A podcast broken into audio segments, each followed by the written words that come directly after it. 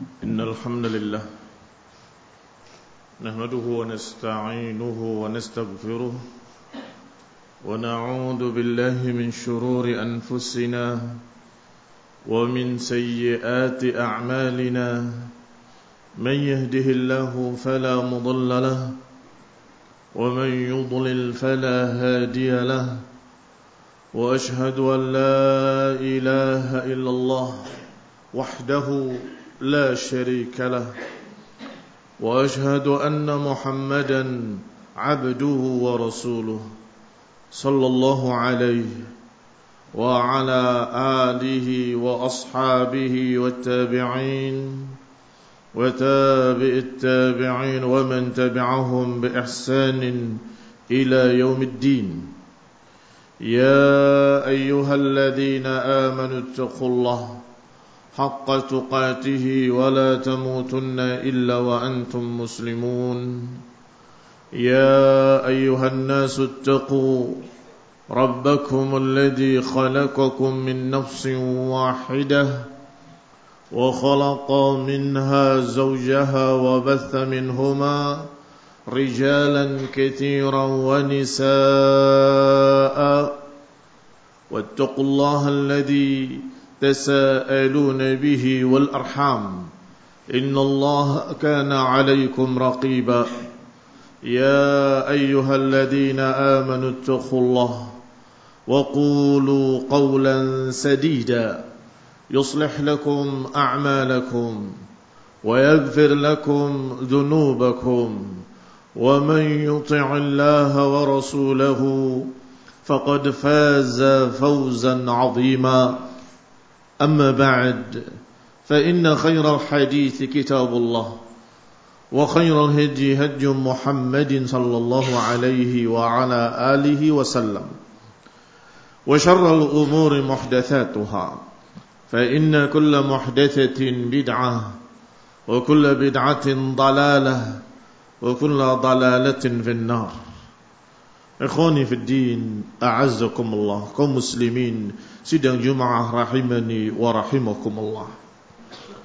Alhamdulillah, nahmaduhu wa nashkuruh. Kita memuji Allah dan menyanjungnya dan mensyukurinya atas kenikmatan-kenikmatannya yang Allah berikan kepada kita. Allah dengan kasih sayangnya memberikan pada kita bimbingan ilmu. Allah birahmatihi menurunkan kitabnya yang merupakan akhir kitab yang membatalkan kitab-kitab sebelumnya dan menyempurnakan apa yang ada sebelumnya dan melepas belenggu-belenggu yang pernah Allah timpakan pada Bani Israel. Ikhwani fi din, a'azzakumullah. Kaum muslimin sidang Jumaah rahimani wa rahimakumullah. Maka kita bersyukur atas nikmat Allah yang sangat besar. Bahwa Allah mengutus Rasulnya yang merupakan seorang Rasul yang khairal bashar yang addal amanah wa nasahal ummah. Laqad ja'akum rasulun min anfusikum. Kata Allah telah datang kepada kalian seorang Rasul dari kalangan kalian sendiri. Yang azizun alaihi ma'anittum yang sangat memberatkan baginya apa yang menyusahkan kalian. Yang dikatakan sifat berikutnya harisun alaikum. Sangat mementingkan kebaikan untuk kalian. Bil mu'minina ra'ufur rahim. Dan terhadap orang beriman sangat penyayang. Sallallahu alaihi wa ala alihi wasallam. Fanahmaduhu wa nashkuruh. Maka kita memuji Allah dan menyanjungnya. Kita bersyukur diutus oleh Allah seorang Rasul khatamul anbiya. Penutup para nabi yang memiliki sifat-sifat kemuliaan dan sifat-sifat yang sempurna. Wa innaka la'ala khuluqin azim. Kata Allah, sungguh engkau di atas akhlak yang mulia. Maka kaum muslimin rahimani wa rahimakumullah. Syukur kita kepada Allah dengan mengujinya dan menyanjungnya alhamdulillah rabbil alamin. Dan juga dengan menerima apa yang Allah beri dari rahmat dan nikmat berupa bimbingan hidayah dan bimbingan sunnah nabawiyah. Dan juga termasuk syukur kepada Allah Subhanahu wa taala dengan diutus kepada kita seorang Nabiul Mustafa yang dipilih, dipilih oleh Allah Subhanahu wa taala dari sebaik-baik manusia, sebaik-baik bangsa, sebaik-baik suku, sebaik-baik keluarga. Ikhwani fi din kaum muslimin rahimani wa rahimakumullah. Maka jangan sekali-kali kita lancang. Berani-berani mendahului Rasulullah sallallahu alaihi wa ala alihi wasallam. In kana khairan kalau itu kebaikan Rasulullah sudah mengajarkannya. Kalau itu sebuah kejelekan Rasulullah sallallahu alaihi wasallam sudah memperingatkannya. Sebagaimana diucapkan oleh para sahabat. Dalam riwayat-riwayat yang sahih tarakana Rasulullah sallallahu alaihi wa ala alihi wasallam. Wa mattairu yuqallib janahaihi fis sama illa ata minhu ilma Tidaklah Rasulullah sallallahu alaihi wa ala alihi wasallam meninggalkan kita kecuali dalam keadaan tidak ada seekor burung pun yang mengepakkan sayapnya di langit kecuali sudah dijelaskan ilmunya. Demikian pula diriwayatkan dari mereka para sahabat yang menyatakan Rasulullah sallallahu bayyana kulla syai'in hatta al-khara'ah. Rasulullah sallallahu sudah menerangkan pada kami segala sesuatu bahkan khara'ah sekalipun. Urusan buang hajat. Urusan buang air diajarkan. Ikhwani fidina azakumullah. Dan ini tidak berlebihan karena ada hadis yang menyatakan wala tastaqbilul qiblata wala tastadbiruha bibaulin wala ghaitin walakin syarriqu wa gharribu. Kata nabi jangan menghadap kiblat jangan membelakangi kiblat ketika kalian buang air besar atau buang air kecil Walakin syarriqu aw gharribu, tapi hendaklah menghadap ke sana atau ke sini. Ini selain kiblat. Ikhwani fi din azakumullah, benar-benar bayyana kulla syai'in, menerangkan segala sesuatu. Tidak ada satu kebaikan pun kecuali beliau sudah ajarkan. Tidak ada satu kejelekan pun kecuali beliau sudah memperingatkan. Maka la tuqaddimu baina yadayillahi wa rasulihi. Maka jangan kalian mendahului Allah dan jangan mendahului Rasulnya. Dan Allah katakan dengan panggilan iman. Panggilan yang penuh penghormatan pada kalian dan pemuliaan. Ya ayyuhalladzina amanu. Wahai orang-orang yang beriman. La tuqaddimu baina yadayillahi wa rasulihi. Wattaqullah. Jangan wahai orang yang beriman. Jangan mendahului Allah dan Rasulnya. Bertakwalah pada Allah subhanahu wa ta'ala. Dan dilanjutkan oleh Allah Subhanahu wa taala pada ayat berikutnya ya ayyuhalladzina amanu la tarfa'u aswatakum fawqa sawtin nabi wa la tajharu lahu bil qawli ka jahri ba'dikum li ba'd an tahbata a'malukum wa antum la tash'urun. Kata Allah wahai orang-orang yang beriman jangan angkat suara kalian. Jangan keraskan suara kalian di atas suara Rasulullah Jangan kalian berbicara seperti engkau berbicara sesama kalian. Jangan berbicara kepada Rasulullah dengan suara yang keras seperti kalian berbicara kepada sesama kalian. Al-tahbata a'malukum wa antum la tash'urun.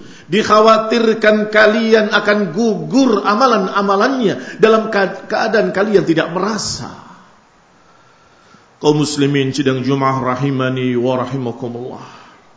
Ibn Al-Qayyim rahimahullah mengomentari tentang ayat ini fahadzara al-mu'minina min hubutil a'mal bil jahri li Rasulillah sallallahu alaihi wa ala alihi wasallam kama yajhar ba'dhum li ba'd.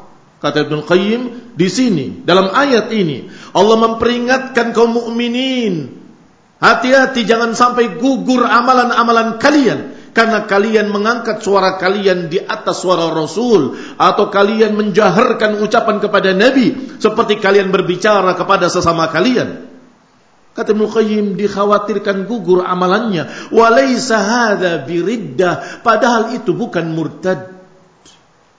Bukan keluar dari Islam, tetapi bisa menggugurkan amalan. Wa yustafad min hadhihi al-ayah Maka diambil dari ayat ini pelajaran penting bahwa bisa gugur amalan-amalan hanya karena ucapan-ucapan yang menyelisihi sunnah dari sunnah Rasulullah sallallahu alaihi wa ala alihi wasallam. Ikhwani fi din azakumullah. Jangan dikira gugurnya amal hanya karena kekafiran. Lain asyrakta la yahbatanna amaluk. Kalau engkau berbuat syirik, niscaya akan gugur amalan-amalanmu. Naam, dengan kesyirikan dan kekufuran gugur amal. Tetapi ini dalam ayat ini dikatakan ahantah bata a'malukum wa antum la tash'urun. Dalam keadaan dipanggilnya ya ayyuhalladzina amanu. Ya ani al-khitab yang diajak bicara adalah orang-orang yang beriman. Para sahabat bahkan. Tetapi Nabi mendapatkan wahyu dari Allah. Hati-hati bisa gugur. Amalan kalian dalam kalian keadaan kalian tidak merasa. Sehingga ada seorang sahabat yang merasa suaranya paling keras ketika itu menangis di rumahnya terus menerus sampai Rasulullah SAW kehilangan aina fulan? Di mana si fulan? Diutus seseorang untuk mencarinya. Ketika didapati dalam keadaan sedang menangis ditanya kenapa engkau menangis dia menjawab, sungguh demi Allah, waktu itu aku yang paling keras suaranya. Maka jelas pasti akulah yang dimaksud dalam ayat tadi. Antah batu a'malukum wa antum la tash'urun. Berarti amalan-amalanku gugur, sia-sia. Maka disampaikan berita itu pada Rasulullah. Ya Rasulullah sallallahu alaihi wa ala alihi wasallam. Dia sedang menangis di rumahnya. Mengapa? Dia mengatakan karena dia yang paling keras suaranya, maka dia merasa bahwa amalan dialah yang gugur waktu itu. Maka Nabi pun menyatakan kepadanya, sampaikan kepadanya, huwa min ahlil jannah. Sampaikanlah kepadanya bahwa dia dari penduduk surga. Kasih kabar gembira. Ini ikhwani fiddin azakumullah. Orang-orang mukmin adalah orang yang kalau diperingatkan dengan ayat dan hadis menangis takut kepada Allah Subhanahu wa taala. Al-mu'minun kalau diingatkan dan dibacakan ayat Allah Subhanahu wa taala, idza tuliyat alaihim ayatuhu zadathum imana. Akan bertambah imannya. Dan kalau diperingatkan dengan nama Allah, maka mereka akan dalam keadaan takut dan gelisah. Ikhwani fi din a'azzakumullah muslimin rahimani wa rahimakumullah innamal mu'minin wa innamal mu'minun alladzina idza dzukirallahu wajilat qulubuhum yang namanya orang mukmin kalau ditegur dengan nama Allah wajilat qulubuhum wa idza tuliyat alaihim ayatuhu zadathum imana hatinya bergetar bertambah imannya. Ini ikhwan ibn a'azakumullah ciri-ciri orang beriman.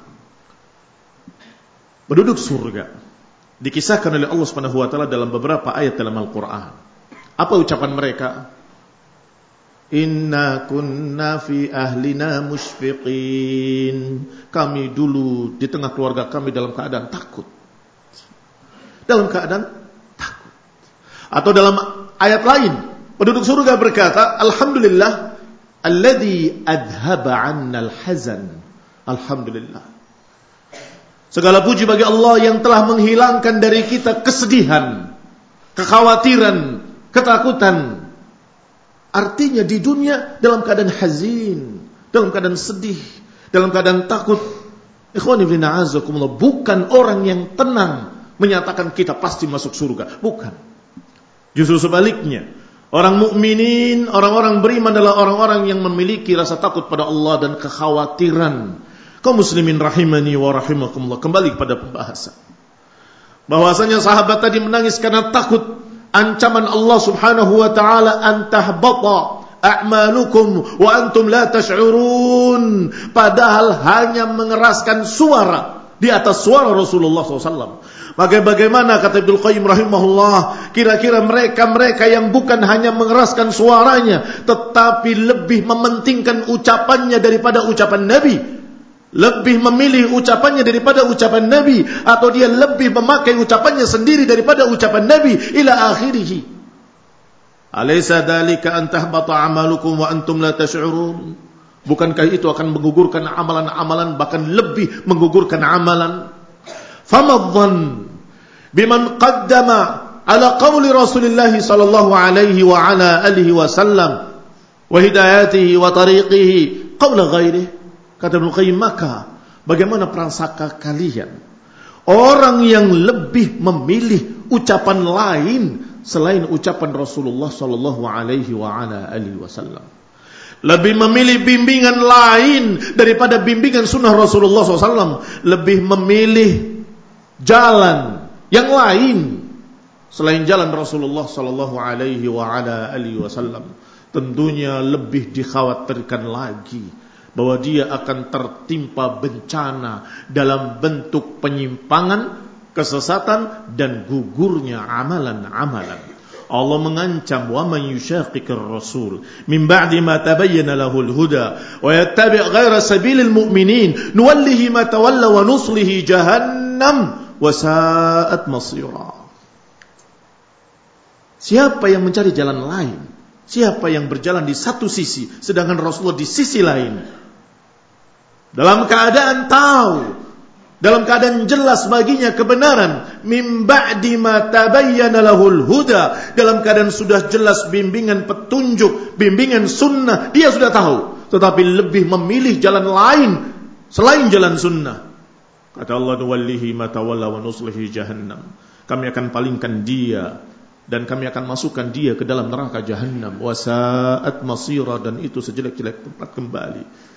Nasallahu ta'ala as-salama wal hidayah. Wa nasallahu ta'ala an yuthabbitana 'ala sunnah, 'ala Tauhid was-sunnah wa 'ala tariqil mustaqim. Amin. Wa sallallahu 'ala muhammadin wa 'ala alihi wa ashabihi wa sallam. tasliman katsira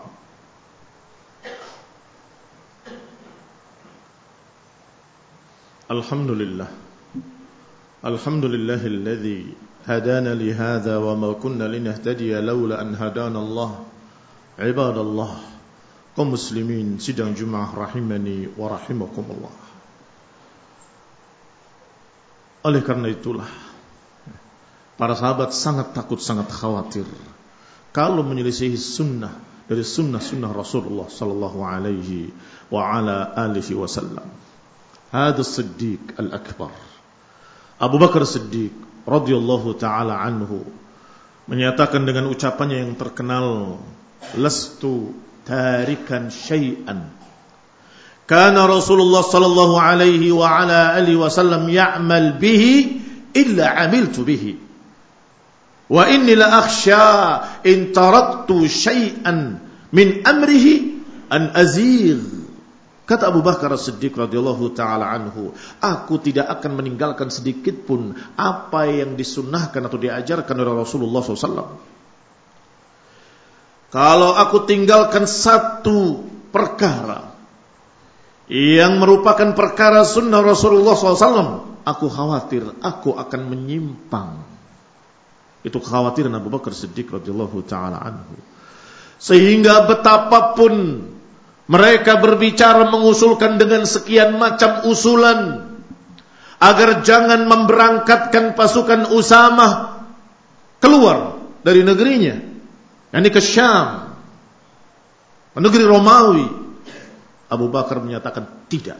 Aku tidak akan membatalkan apa yang sudah diucapkan oleh Rasulullah SAW. Karena Rasulullah SAW sebelum wafatnya memberangkatkan tentara Usama. Jais Usama berangkat. Dan ini Rasulullah Sallallahu alaihi wa ala alihi wasallam. Khairul bashar. Bukan manusia biasa. Memiliki dari Allah Subhanahu wa taala wahyu. Yakni basharun yuha ilaih. Manusia yang mendapatkan wahyu dari Allah. Artinya beliau tahu dari Allah bahwa beliau akan wafat. Tetapi toh nabi menyuruh pasukan tadi berangkat. Belum jauh Rasulullah SAW wafat jangan dikira bahwa ini oh Rasulullah salah strateginya Beliau tidak tahu kalau akan mati, jadi ngirimkan pasukan Usama. Kalau tahu, kayaknya nggak ngirim. Ini su'udhan. La tarfa'u aswatakum fauqa sautin nabi. ولا تجهروا له بالقول كجهر بعضكم لبعض أن تحبط أعمالكم وأنتم لا تشعرون ini ucapan Rasulullah, ucapan seorang yang mendapatkan wahyu, seorang maksum, seorang yang tidak mungkin salah. Maka Abu Bakar menyatakan tidak. Jais Usama berangkat. Tapi bukankah, bukankah, bukankah, bukankah di negeri ini belum aman, di negeri ini banyak yang murtad, bukankah demikian? Jais Usama berangkat. Aku tidak akan membatalkan satu ucapan Rasulullah pun. Ini iman, ini akidah. Walaupun kaitannya dengan ittiba'us sunnah. Walaupun kaitannya dengan berpegang dengan sunnah, tapi ini berkait dengan iman. Apakah kau yakin kalau dia Rasulullah? Apakah kau yakin kalau dia diutus oleh Allah? Apakah kau yakin kalau dia mendapatkan wahyu? Kalau iya, terima. Jangan pakai pendapat lain. Tapi jangan. Diucapkan oleh para ulama seperti Umar ibn Abdul Aziz rahimahullah. La ra'ya li ahadin ma'a sunnatin sannaha Rasulullah wasallam. Tidak ada pendapat siapapun kalau sudah ada sunnah yang disunahkan oleh Rasulullah sallallahu alaihi wa ala alihi wasallam. Ikhwani fi din, a'azzakumullah muslimin rahimani wa rahimakumullah. Masalahnya adalah iman. Ketika ada seseorang yang imannya lemah, kemudian dia melihat sunnah dan kemudian menyatakan dalam hatinya, tetapi bukankah ini lebih baik dari itu? Itu ujian. Seberapa keyakinanmu terhadap Rasulullah? Kalau kemudian kesimpulannya, kalau begitu saya akan kerjakan apa yang saya anggap baik. Karena ini sunnah sepertinya tidak tepat ila akhirnya. Berarti engkau ragu kalau ucapan Rasulullah SAW pasti benar. Ikhwani fi din a'azakumullah muslimin rahimani wa rahimakumullah. Sidang Jumaah yang mudah-mudahan dibahagiakan oleh Allah di dunia dan di akhirat. Kalau ini ucapan Rasulullah SAW, qulu sami'na wa ata'na. Katakan kami dengar dan kami taat. Ibnu Battah Al-Ukbari rahimahullah mengomentari ucapan Abu Bakar Siddiq radhiyallahu taala anhu tadi. Kata Ibnu Battah, "Hada ya ikhwani, as-Siddiqul Akbar yatakhawaf ala nafsihi." Ini wahai saudara-saudaraku, As-Siddiq Al-Akbar, manusia terbaik setelah Rasulnya. Tetapi mengkhawatirkan dirinya. Khawatir menyimpang, khawatir sesat In huwa khalafa syai'an min amri nabiyih kalau dia menyelisihi satu sunnah dari sunnah nabinya sallallahu alaihi wa ala alihi wasallam. Famadza asa an yakun? Kata Ibnu Battah, maka kira-kira apa yang terjadi pada zaman ini, zaman sekarang ini padahal zaman Ibnu Battah bukan zaman kita. Adha ahluhu yastahzi'una bi nabiyihim.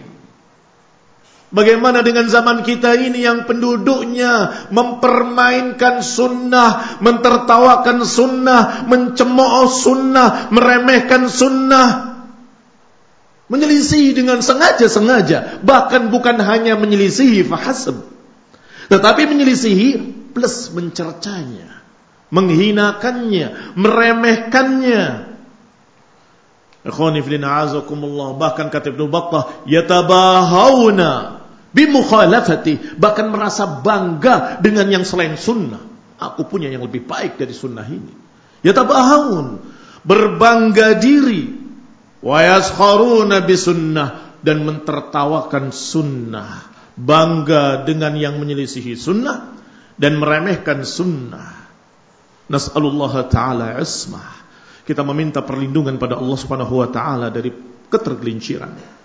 Dan meminta kepada Allah Subhanahu wa taala an-najah min su'il amal kata Ibnu Battah. Kita mengharap pada Allah Subhanahu wa taala keselamatan dari penyimpangan. Dan kita meminta pada Allah Subhanahu wa taala keselamatan di dunia dari kesesatan dan keselamatan di akhirat dari azab. Itu zaman Ibnu Battah. Bagaimana law ra'a zaman? Bagaimana Ibnu Battah kalau melihat zaman kita sekarang ini? yang ada seseorang dengan bangganya berdiri di mimbar mencerca sunnah, mentertawakan sunnah, melecehkan sunnah dan menyatakan itu jahil. Siapa yang panjang jenggotnya berarti dia jahil. Na'udzubillah. Apakah dia tidak tahu? Lah, bukan orang bodoh. Dia belajar agama, dia hafal. Berarti sengaja sengaja menyertang sunnah. Naam. Wazada ala dhalik. Bahkan lebih daripada itu. Mentertawakan dan mengejek. Ini bukan hanya gugur amalan-amalannya. Tetapi kufur. Kafir. Keluar dari iman murtad. Ikhwani fi dina azakumullah. Allah subhanahu wa ta'ala menyatakan. Dalam ayatnya.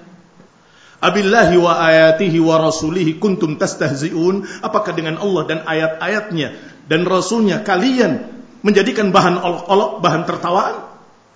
La ta'tadhiru. Qad kafartum ba'da imanikum. Kalian jangan cari-cari alasan. Kalian telah kafir setelah iman kalian. Apa kurang jelas ayat ini?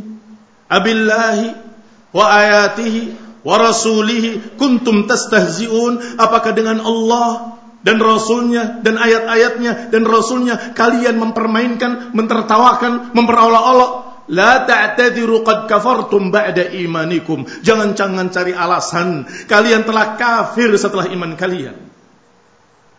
Ikhwan fillah azakumullah hanya saja Allah yang maha rahmanur rahim. Melanjutkan ayat yang memberikan kesempatan. Siapa yang mau bertaubat, siapa yang memperbaiki akan diterima oleh Allah Subhanahu wa taala ampunannya. Dan akan dimaafkan oleh Allah Subhanahu wa taala. Dan yang tidak yang musirrun ala kufrihi maka dia terancam dengan kekafiran dengan kalimat la kafartu ba'da imanikum. Ikhwani fi din a'azakumullah muslimin rahimani wa rahimakumullah dan itu hanya sekedar contoh.